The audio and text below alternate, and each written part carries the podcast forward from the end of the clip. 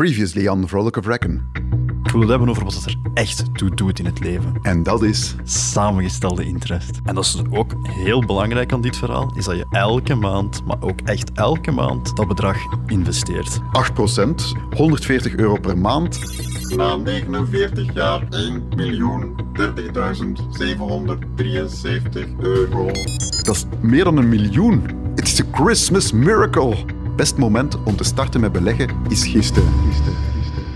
Is het zover? Ja, ja, ja, het is zover. Alright. We gaan eindelijk leren beleggen.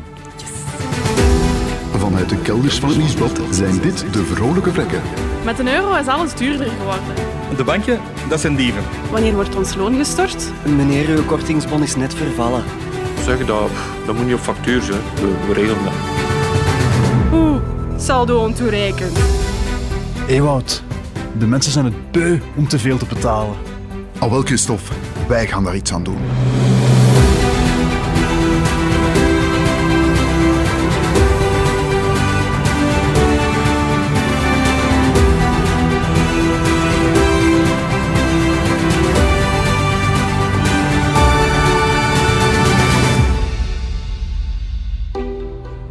Christophe, onze aflevering van vorige week heeft alle records gebroken. Hè? Echt niet normaal, hè. Echt niet Niet normaal. normaal, 1,2 miljoen luisteraars. Wie had dat ooit kunnen denken? Is dat, is dat correct cijfer? Dat is het cijfer dat ik naar de hoofdredactie heb gemaild. Ja. Ah ja, oké. Ja, nee. nee, ik heb ook heel veel mails in onze mailbox gekregen. Eh, allemaal mensen die hun recorder gaan wegdoen en nu dus 337 euro ter beschikking hebben. Ik ben benieuwd wat ze daarmee gaan doen. Maar beleggen, hè. Beleggen. Voilà, deze aflevering komt als geroepen. Want we gaan eerst even uitleggen in wat dat we allemaal kunnen beleggen. Dan gaan we uitleggen waar dat we kunnen beleggen, hoe dat we die kosten laag houden en tenslotte hoe dat je nu eigenlijk die keuze maakt in wat dat je belegt. Ja, om te beginnen met onze aflevering moeten we een paar algemene begrippen duiden. Hè. Ehm, het eerste wat, dat, wat dat in jouw hoofd opkomt, Christophe, als ik zeg beleggen, wat is dat? Uh, Paldoor in de string. Goedemorgen. Ja, ik denk dat we misschien best een, eh, een andere expert aan het woord laten. Een expert, geen probleem, want hij is weer hier. Wie? Ik heb hem meegebracht. Ivrek natuurlijk. Ah, oké. Ah, ja, En amai. hij heeft net zijn boostershot gekregen, dus Hij hij, is helemaal. echt in vorm. Hij is geupgrade en weet nu alles over beleggen. Ivrek, vertel me eens, wat zijn zoal de beleggingsopties? Nummer 1. Aandelen. Ah, ja, aandelen. Aandelen, ja. Eigenlijk, dat denk ik dus aan als ik eh, beleggen hoor. Als je een aandeel koopt, dan koop je dus een stukje van een bedrijf. Eh, als het bedrijf stijgt in waarde, dan stijgt het aandeel ook. Maar een aandeel kopen, dat houdt natuurlijk ook enig risico in. Hè? Want als het goed gaat met het bedrijf, dan kan de waarde stijgen. Maar als het moeilijker gaat, of zelfs als het bedrijf failliet gaat, ja, dan ben je een hoop geld kwijt. Dus dat zijn aandelen, maar je kunt zo wat in alles beleggen. Hè. Kunst, goud, vastgoed. Bitcoin, bitcoin, bitcoin, bitcoin, Ah, bitcoin. het is goed, hè. Het is goed, Ivrek. Nee, nee, dat gaan we niet doen. We gaan Enfin, niet toch beleggen niet in deze- bitcoin. Nee. Maar er zijn nog andere beleggingsproducten, waaronder één heel populair. Hè? Ah ja, beleggingsfondsen. Voilà. Ja, die zijn super populair tegenwoordig. Hè? Want, eh, zoals je zelf ook weet, Christophe, een spaarboekje dat brengt niks meer op. Dus mensen gaan op zoek naar iets wat wel nog iets opbrengt. En eh, ja, de banken smijten er een beetje mee naar je hoofd ook. Hè? Eh, een beleggingsfonds, dat heeft ook een groot voordeel tegenover die individuele aandelen waar we het daar net over hadden. Je spreidt je risico, want een fonds is een verzameling van verschillende beleggingsproducten, dus aandelen, maar ook misschien andere dingen, waardoor dat het risico veel minder groot is. Eh, je legt al je eieren niet in hetzelfde mandje. Ja, dat klopt. Nu, er zijn er zoveel, maar echt allee, ontelbaar veel. En van alle regio's en in alle sectoren. Hè. Dat gaat van gezondheid over eh, biotech, robotica, eh, grondstoffen, Amerikaanse bedrijven, technologie, Het is echt een, eh, een veiligheid. ja. kluwen. Maar het belangrijkste is eigenlijk dat je weet dat er twee soorten beleggingsfondsen zijn. Twee grote categorieën. Ik weet niet of dat Ivrek die update ook gekregen heeft. Ja, Ivrek, leg het eens uit, jong. De actief beheerde fondsen. Ja, voilà, dat is de eerste categorie, de actief beheerde fondsen. Die worden beheerd door een fondsbeheerder. Stel u even voor, ik ben fondsbeheerder. Eh 100 collega's, eh 100 collega-journalisten hier op de vloer, die geven mij allemaal 50 euro en ik richt het fonds eh Vrecken Smart Capital op. Dan ga ik als fondsbeheerder die 5000 euro dat ik gekregen heb, proberen om zo goed mogelijk te beleggen in een mix van aandelen bijvoorbeeld, of obligaties, of zelfs vastgoed of andere beleggingsproducten. Ik ga proberen die winst zo hoog mogelijk voor iedereen te houden. Jij bent eigenlijk echt een brave mens, Ewout, Ja. dat jij dat zo voor de collega's zou doen, volledig belangeloos. Oh, wacht. Nee, daar wringt het schoentje nog een beetje. Hè? Want eh, zo'n actief beheerd fonds, het grootste nadeel daarvan is...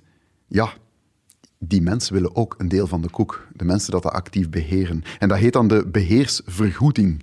Die vergoeding die zit ingebakken in de koers van die fondsen en die kan bij actief beheerde fondsen oplopen tot 1 à 2 procent per jaar. Oef. Dat is veel, hè? Dat is veel, dat is veel. Ja, sommige mensen gaan nu denken, hoeveel? 1, 2 procent per jaar? Maar nee, nee, dat is echt heel Dat is veel. heel veel. Herinner u onze aflevering over samengestelde interest, hè, waarin dat we dus zeiden van het moment om te beleggen is nu. Dus Mhm. altijd nu. Hè. Daarin gingen we 140 euro per maand beleggen hè, tegen een gemiddeld jaarlijks rendement van 8%.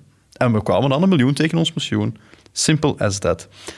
Maar weet je hoeveel dat we zouden overhouden als we dat deden met 6% rendement? Hè? Dus die 2% beheersvergoeding eraf getrokken. Ehm, iets zegt mij dat iVrec dat perfect kan berekenen.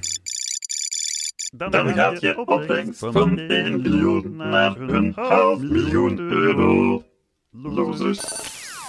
Ja, voilà. Elk- Dus ja, dat, dat, dat is een immens verschil. Hè. Elk procentje het kosten dat je kunt vermijden, echt, we smeken het, vermijd ze. Maar ja, kan je die procentjes vermijden? Niet helemaal, maar toch voor een groot deel. Want er zijn ook iVrec, Passief beheerde fondsen. voilà. Dat zijn de Ah, trekkers. Ja, voilà, we hebben het er vorige keer al over gehad. Hè. Exchange Traded Funds, ETF's of trackers, op de beurs verhandelde beleggingsfondsen. Ja, die zitten op de beurs, terwijl de andere fondsen vaak rechtstreeks door de fondsbeheerder worden verkocht zonder tussenkomst van de beurs. En trackers, dat weten we al, dat zijn eh, fondsen die passief de prestaties van een index volgen. Bijvoorbeeld de Bel 20 is zo'n index met Belgische bedrijven. Je hebt ook de Eurostox 50, dat zijn eh, 50 Europese bedrijven.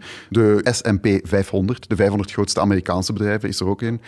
Ook hier, Christophe, je hebt ze in alle maten en gewichten, in alle sectoren van alle regio's. Eh, er zijn er ontelbaar veel. Ja, en die hebben ook een beheersvergoeding, maar... Maar die is veel lager. Dus eh, gemiddeld zo'n 0,20 procent, dus een tiende van de actief beheerde fondsen. Maar vaak zelfs nog lager dan dat. Eh, en ook hier ben je gespreid aan het beleggen. Dus eh, je hebt er eigenlijk ook geen omzien naar. Je moet er niet naar kijken. Je kan gewoon rustig op het gemak dat fonds zijn gang laten gaan. Ja, en je zou natuurlijk denken, mijn rendement gaat lager zijn, want er is geen financieel expert die zich ermee bezighoudt. Hè. Experts. Ja, voilà, zelfs, een computer lacht er al mee. Eh, ja, maar ja, het is ook zo. Hè. een computer noemt natuurlijk. Maar je zou dat denken inderdaad, dat daar zitten mensen tussen, dus die, die brengen meer op.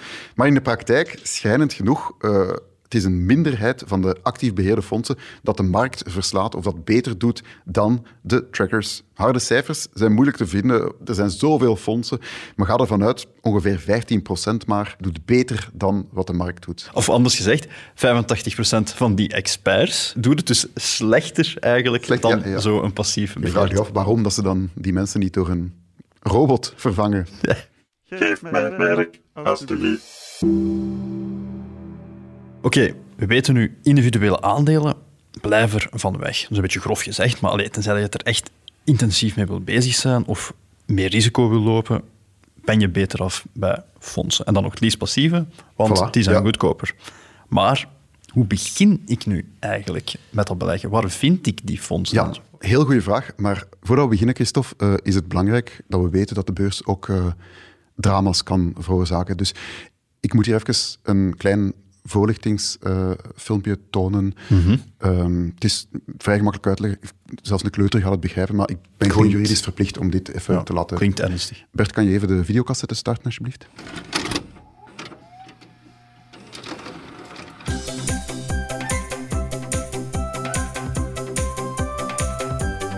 Gisteren was Moesti jarig. Moesti vindt verjaren leuk. Van mevrouw Schildpad heeft Moesti een cadeautje gekregen. Het is een briefje van 50 euro. Wat moet ik hiermee? vraagt Moesti aan zijn mama. Ik weet het niet, zegt mama, maar ik ken wel iemand die ons vast kan helpen. Mama neemt Moesti mee naar de bank. Daar zit meneer Vos achter zijn bureau. Hij lacht als ze binnenkomen, Ik weet precies wat je moet doen. zegt meneer Vos. Hij legt een grote stapel papieren klaar.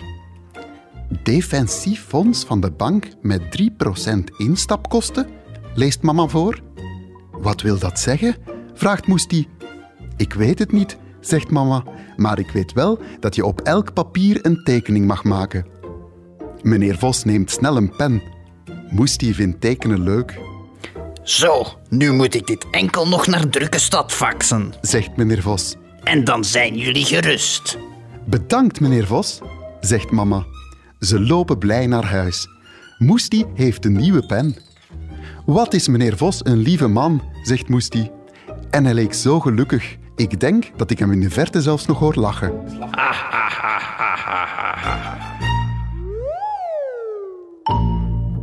Dat is een eh, gruwelijke boodschap. eh. Ja. Het is eh, heel subliminaal ook, heel subtiel gebracht. Ehm, ik denk dat ik begrepen heb waar je naartoe wilt. Jongens toch. Je gaat niet naar je grootbank. Je gaat, je gaat, je gaat verrast zijn, je gaat schrikken zelfs, Christophe. Want Dan ga ik nog meer schrikken ja, als van... Ja. als je echt lui bent, hou je vast, Ja. doe het dan vooral wel. Ehm, de grootbanken die bieden heel laagdrempelige beleggingsplannen aan, waar dat je vanaf 25 euro in kunt beleggen. En beleggen bij een grootbank, het is nog altijd beter dan helemaal niet beleggen. Hè? Ja, ja. Ja, maar ja, nee. Maar weet wel dat je meestal instapkosten gaat betalen, vaak 3%.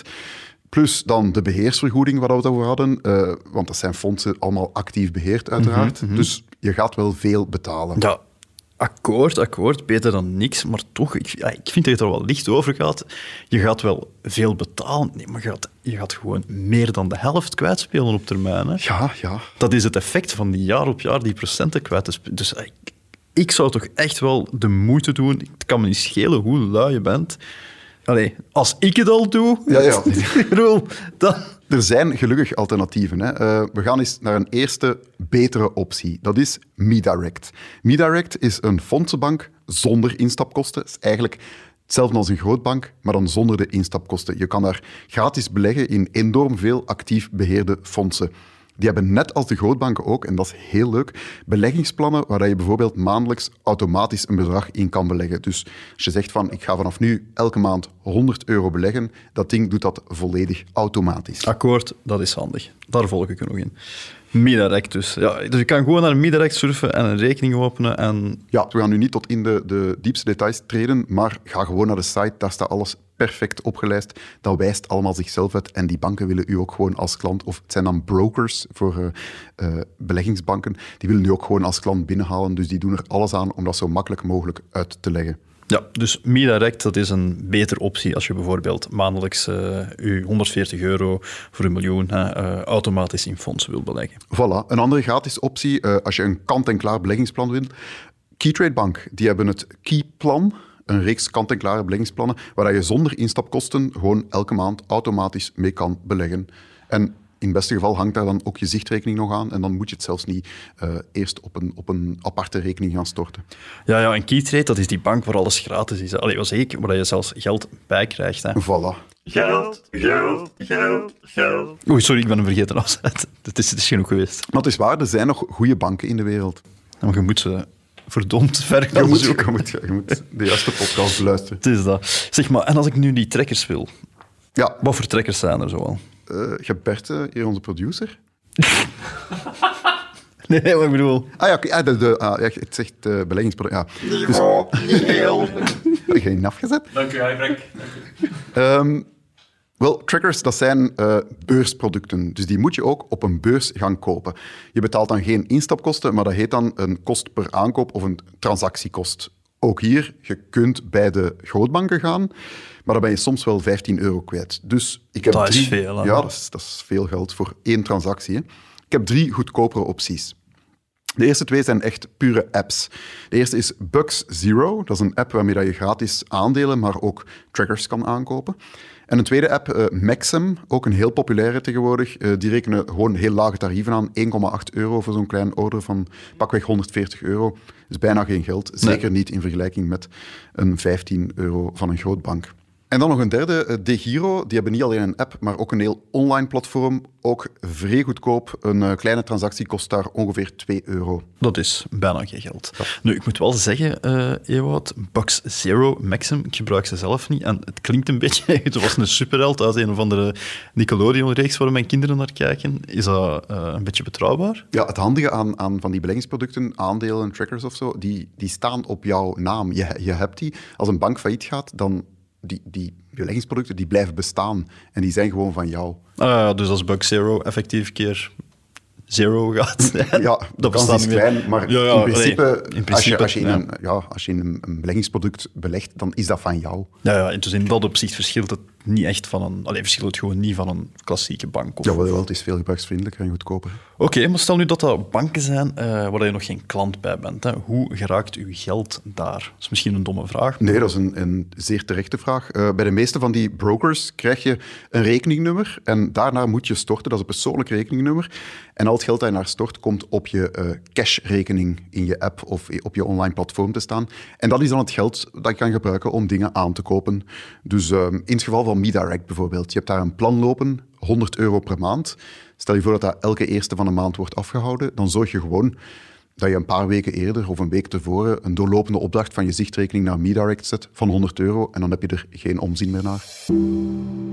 Dus we hebben nu een fondsenbank of een broker gevonden. Maar welke fondsen of trekkers moet je kiezen? Want er zijn er echt zoveel. Ja, dat is waar. En dat is ook een heel persoonlijke vraag.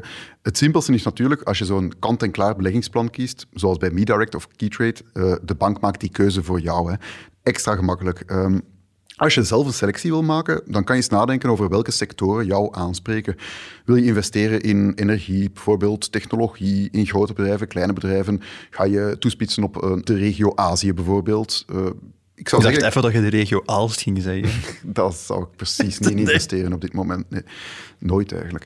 Eh, ik zou zeggen, kies er gewoon een viertal verschillende uit. Dan ben je ook op die manier nog eens extra gediversifieerd als de ene het wat minder doet. Ja, en je hebt ook echt van die klassieke zonder de trekkers, hè, zoals die S&P 500 of de MSCI World, dat de wereldeconomie volgt. Daar doe je volgens mij eigenlijk nooit kwaad eh, mee. Nee, en die bestaan in heel wat eh, varianten, afhankelijk van de aanbieders ook. Er zijn een paar zaken waar je best op let als je een tracker kiest. Ten eerste, en dat klinkt nu zeer contra-intuïtief, let erop dat de tracker niet in België staat geregistreerd. Absurd genoeg, een Belgische tracker die wordt hoger belast dan een tracker uit de rest van eh, Europa. 1,32% versus 0,12 bij de verkoop. Ja, dat is ongelooflijk, hè. dat is weer typisch Belgisch. Maar, ja. Ja. Nu, vlak voordat je aankopen doet of, of verkopen, krijg je normaal gezien wel een overzicht waarop dan nog eens expliciet die kosten staan vermeld. Dus je kan daar wel zien, staat daar 1,32, eh abort, abort. Ja, dan moet Doe je stoppen. Niet. Want, Zoekt ja, u een alternatief. Het zou wel eens kunnen dat je het over het hoofd ziet eh, direct, Nee, maar nee, klopt. 1,32% stop ermee. Voilà. Direct. Tweede handige tip. Bij veel trackers heb je de keuze tussen een distributie of een accumulerende variant. Klinkt Chinees, dat is het niet. De eerste soort, distributie, die keert dividenden uit. Dat wil zeggen dat je af en toe wat extra geld op je cashrekening krijgt. De tweede soort is iets interessanter. Gaat die dividenden die, die je krijgt automatisch opnieuw investeren. Die worden automatisch opnieuw belegd in hetzelfde fonds. Daar heb je dus nog minder omzien naar. En als je geen Belgische kiest, zoals we net zeiden, is dat ook tegen 0,12% belast. Heel makkelijk. Accumulerende trackers, die kan je herkennen meestal aan de letters ACC in de naam. En die ACC staat dan voor... Accumulating. Ah. Ja, en de distributievariant, die hebben meestal DIST in de Dat titel. is zo'n goede leerling, Christophe. Nog een eh, handige tip. Als je nu S&P 500 bijvoorbeeld zoekt, wat, wat ga je zien? Er staan Mhm. Ja, tientallen varianten lijst, van ja. de S&P 500. Hoe kies je daar nu de beste uit? Twee belangrijke dingen waarop dat je kan letten. Ten eerste, hoe lang bestaat die tracker al? Is het een die dat al, al 20 jaar meegaat, dan denk je, ja, oké, die heeft wel eh, een, een serieuze Mhm, track record. En de tweede, kijk ook eens naar het verschil in de lopende kosten. Want dat kan ook nog eens onderling verschillen. Ja. De ene misschien 0,2, Niet zo heel veel, andere maar 0,06. Maar het, elk beetje telt. Ja, en dan vind je terug bij de essentiële beleggersinformatie. Dat Ja. is sowieso een formulier, of een formulier, Een ja, documentje, één, twee, ja. documentje, één, twee pagina's. Het belangrijkste wat dat daarop staat is van, ja, of het zo een ehm, accumulerende trekker is, of het zo een distributietrekker is. En hoe dat hij ook de afgelopen jaren gepresteerd Ja, heeft. dat is hè. heel belangrijk. Hè? Dat je daar eens in toog houdt van, Ah, ja. stel je voor dat je iets kiest en dat, dat heeft al vijf jaar eh, verlies gedraaid. Ja, laat dat gewoon Nou ja, want voor alle duidelijkheid, het is niet zo dat als je een ETF kiest, dat dat automatisch safe is. Hè? Net Nee, zoals er nee. slechte aandelen Nee, zijn, zijn er zijn er slechte slechte ETF's. Je moet Ja. altijd gaan kijken, wat zit er in die ETF? Hè? In welke bedrijven investeert, allee, zit, zit er in die portefeuille? Ja. En hoe heeft die portefeuille het gedaan de afgelopen jaren? Ja, Daar moet je altijd ken ik die letten, bedrijven, natuurlijk. ken ik dat soort bedrijven, eh, ook altijd handig dat je Ja. eh, investeert in iets dat je kent. Dan kan je veel beter oordelen. Ehm, als je er nu echt niet uit geraakt, hè, je zit te, te zoeken en je zegt, "Pff, wat moet ik hier kiezen? Check zeker ook de site van je broker is, of van concurrerende brokers, of van grootbanken desnoods. Maar misschien die laatste iets minder hard. Maar daar staan vaak wel goede tips op. Eh, meest verkochte fondsen bijvoorbeeld. Ja. Ehm, tips voor als je wil beginnen beleggen. Wat zijn nu de beste trackers? De, de meest verkochte wereldwijd. Welke presteren het best? Die mensen willen ook maar gewoon hun producten verkopen en die willen ook maar dat jij eh, veel winst maakt. hè. Ja, en eerlijk is eerlijk, bij die meest verkochte of de best presterende, ja, kijk, dat, dat zijn wat dat ze zijn, dat zijn goede fondsen. Het is niet dat je daar rampzalige eh, toestanden gaat vinden. Nochtans, ik moet er wel even voor waarschuwen, ik heb het eh, meegemaakt bij een grootbank, enfin, bij verschillende grootbanken, dat als je zo een, eh, ja, een beleggingsplan zoekt, Ja. dat ik ja, de tientallen, tientallen opties krijgt. En dan denk je van, ja, daar staat er zo defensief in de titel. Dan denk je van, ja, dat gaat een veilige belegging Mhm. zijn. Dan ga je zo kijken naar die essentiële beleggersinformatie. Tja, dat spel dat, eh, maakt hier al vijf jaar aan een stuk 10% verlies. Ja, maar... Oké. En dat wordt gewoon aangeboden nog.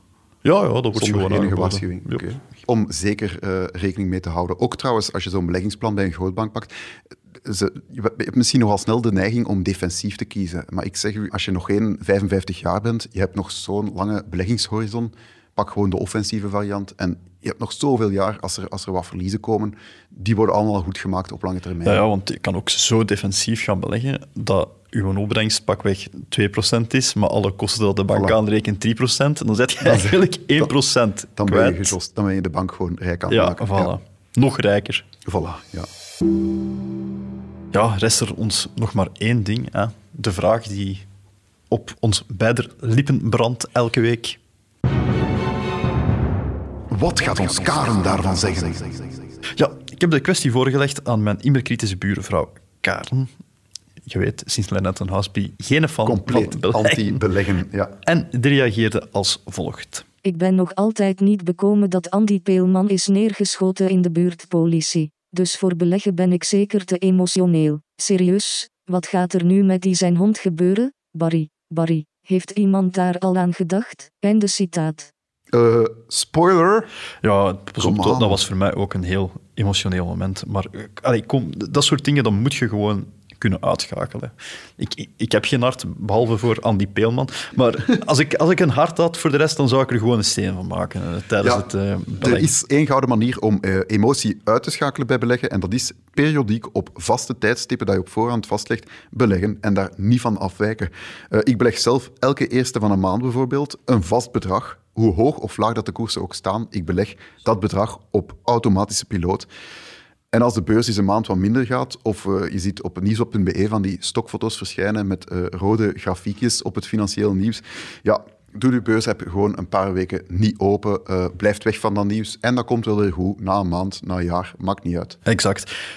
Peter Lynch, toch een van de meest bekende of meest succesvolle beleggers, die had er eigenlijk een heel mooi uitspraak over, Ah, over op.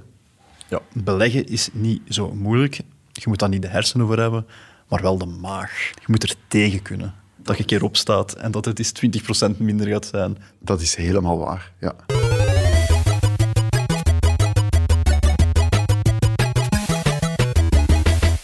Dat kan al tellen. Christophe, twee weken geleden werd er bij mij aangebeld. Eh, raad eens wie dat was. Mm, deurwaarder? Nee, nee, nee. Ja, wie? Ja, raad nog maar eens. Eh, Hello Fresh? Nee, bijna wel. Eh, het was een manneke van Bofrost. Boven. Oh ja, die witte, die witte wagentjes, ja, ja, ja. schitterend. Dat zijn zo van die gasten die... eh, allee, die hebben toch zo'n nieuwe techniek, hè, zo gezegd, om eh, voedsel te bewaren, hè, zonder dat de voedingsstoffen verloren gaan. Ja, ja, ja. De, diepvriezen of zoiets heet dat. Iets van de laatste 100 jaar. Ik had er ook nog niet van gehoord. Maar ik ben die prijs niet gaan opzoeken online. Want je weet, ik sta open voor alle nieuwigheden. En, En, amai, goh, jongens. Koude toch. douche gekregen, zeg. Ja, dat is zeer koud. Eh, ik heb de prijs gecheckt van een eh, pizza speciale. Kennen jullie? Dat zijn van Nee. die eh, pizza's met salami, diepvriespizza's. Salami, ham en champignons. Ik vind, dat, ik vind die wel lekker. En die kost daar voor twee stuks eh 11 euro en 10.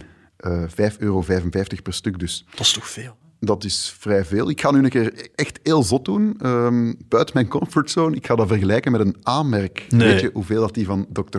Utker kost? Ja, ik koop zelf geen aanmerken, dus eh, 4 euro. 1,89 euro eh, bij? Albert Heijn. Je hoort mij al komen, hè, Christophe, maar als je dus wekelijks zo'n stuk karton naar binnen werkt, heb je op 10 jaar tijd 1903 euro uitgespaard. Amai, dat is Ja, wel... ja, eh, en dat, Christophe, dat is exact het jaar waarin Ford zijn eerste auto heeft verkocht in Amerika. Toeval? Ik dacht het niet.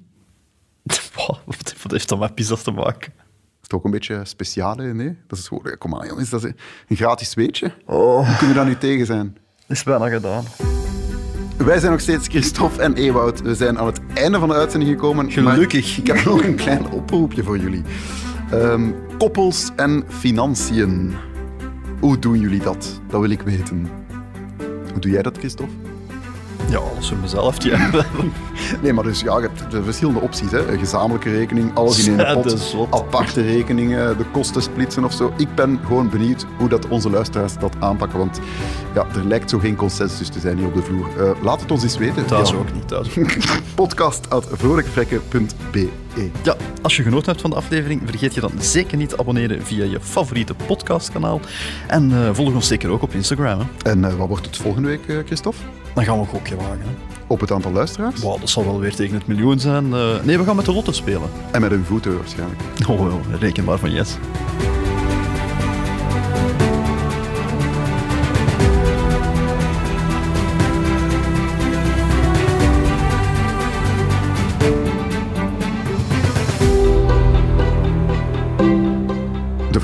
Professionele onnozelaars. Gesprekken in deze podcast vormen geen juridisch of financieel advies. Meneer Vos gaat 100% voor 95% tevreden klanten.